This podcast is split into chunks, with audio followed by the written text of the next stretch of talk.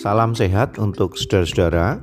Kiranya Tuhan terus memberkati dan tetaplah di rumah karena melawan pandemi belum selesai. Saya bacakan firman Tuhan dari Matius 5 ayat 34. Tetapi aku berkata kepadamu, janganlah sekali-kali bersumpah, baik demi langit, karena langit adalah tahta Allah. Matius 5 ayat 34. Bersumpah adalah kata-kata yang menegaskan atau menggarisbawahi atau meneguhkan dari janji kita dari sesuatu yang kita janjikan untuk terlaksana. Tapi orang memahami bersumpah itu lebih dari sekedar mengatakan aku janji ya nanti kamu aku kasih roti. Aku janji ya, nanti aku kasih 100 ribu. Lebih dari itu. Nah, bersumpah biasanya dikaitkan dengan pekerjaan-pekerjaan besar, tugas-tugas besar, seperti yang kita saksikan selama ini dalam tugas-tugas kenegaraan. Tapi kenapa ayat ini mengatakan jangan bersumpah? Dalam hal ini dasar sumpahnya. Karena dalam ayat 5 ini dikatakan jangan bersumpah demi langit atau maksudnya demi Tuhan. Ada lagi istilah yang biasa diucapkan orang Israel adalah bersumpah demi Yerusalem. Maksudnya di Yerusalem ada bait Allah, artinya Allah ada di sana dan maknanya sama dengan bersumpah demi langit, bersumpah demi Tuhan Allah, bersumpah demi Yahweh. Artinya melibatkan Tuhan dalam sumpah tersebut.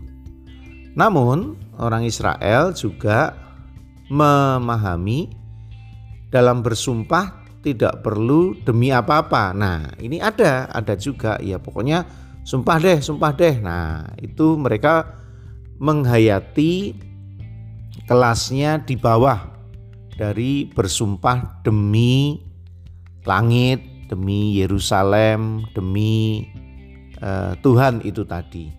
Nah, sehingga orang Israel punya pemahaman bahwa ada yang perlu melibatkan Tuhan, ada yang tidak. Di sinilah sebetulnya yang dikritik oleh Tuhan Yesus. Mana ada bagian kehidupan kita yang di mana Tuhan tidak terlibat.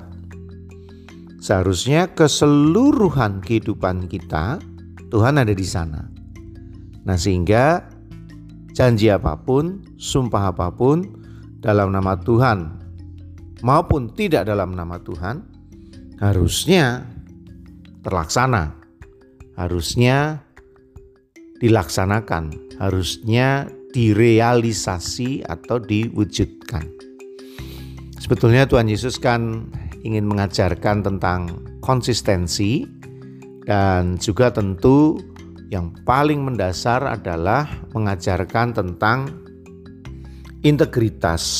Apa yang diucapkan mulut harusnya keluar dari hati dan itulah yang harus dilakukan, yang harus diwujudkan. Hal yang perlu kita ingat bahwa di setiap janji kita, di setiap sumpah kita, itu ada konsekuensinya. Untuk itu, mari kita penuhi.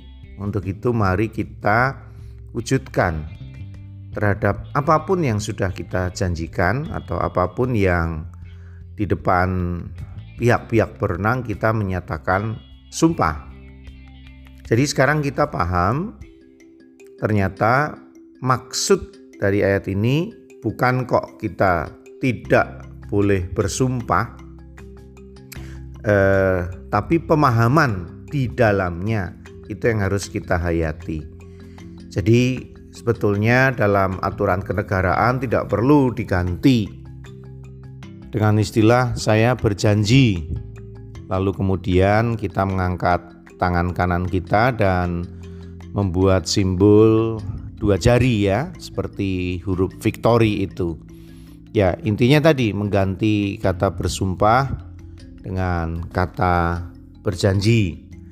Padahal yang dimaksudkan bukan cuman sekedar, bukan cuman sekedar mengganti istilah bersumpah menjadi berjanji. Sekali lagi, bukan itu karena yang lebih penting yang dimaksudkan Tuhan Yesus adalah konsistensinya atau kesesuaian ucapan dengan tindakan kita. Itu yang lebih utama dan itu yang jauh lebih penting. Mari kita konsisten karena itu menunjukkan integritas kita. Mari kita merenungkannya. Masih bersama dengan saya Pendeta Yudi dalam renungan emas, esok masih ada solusi.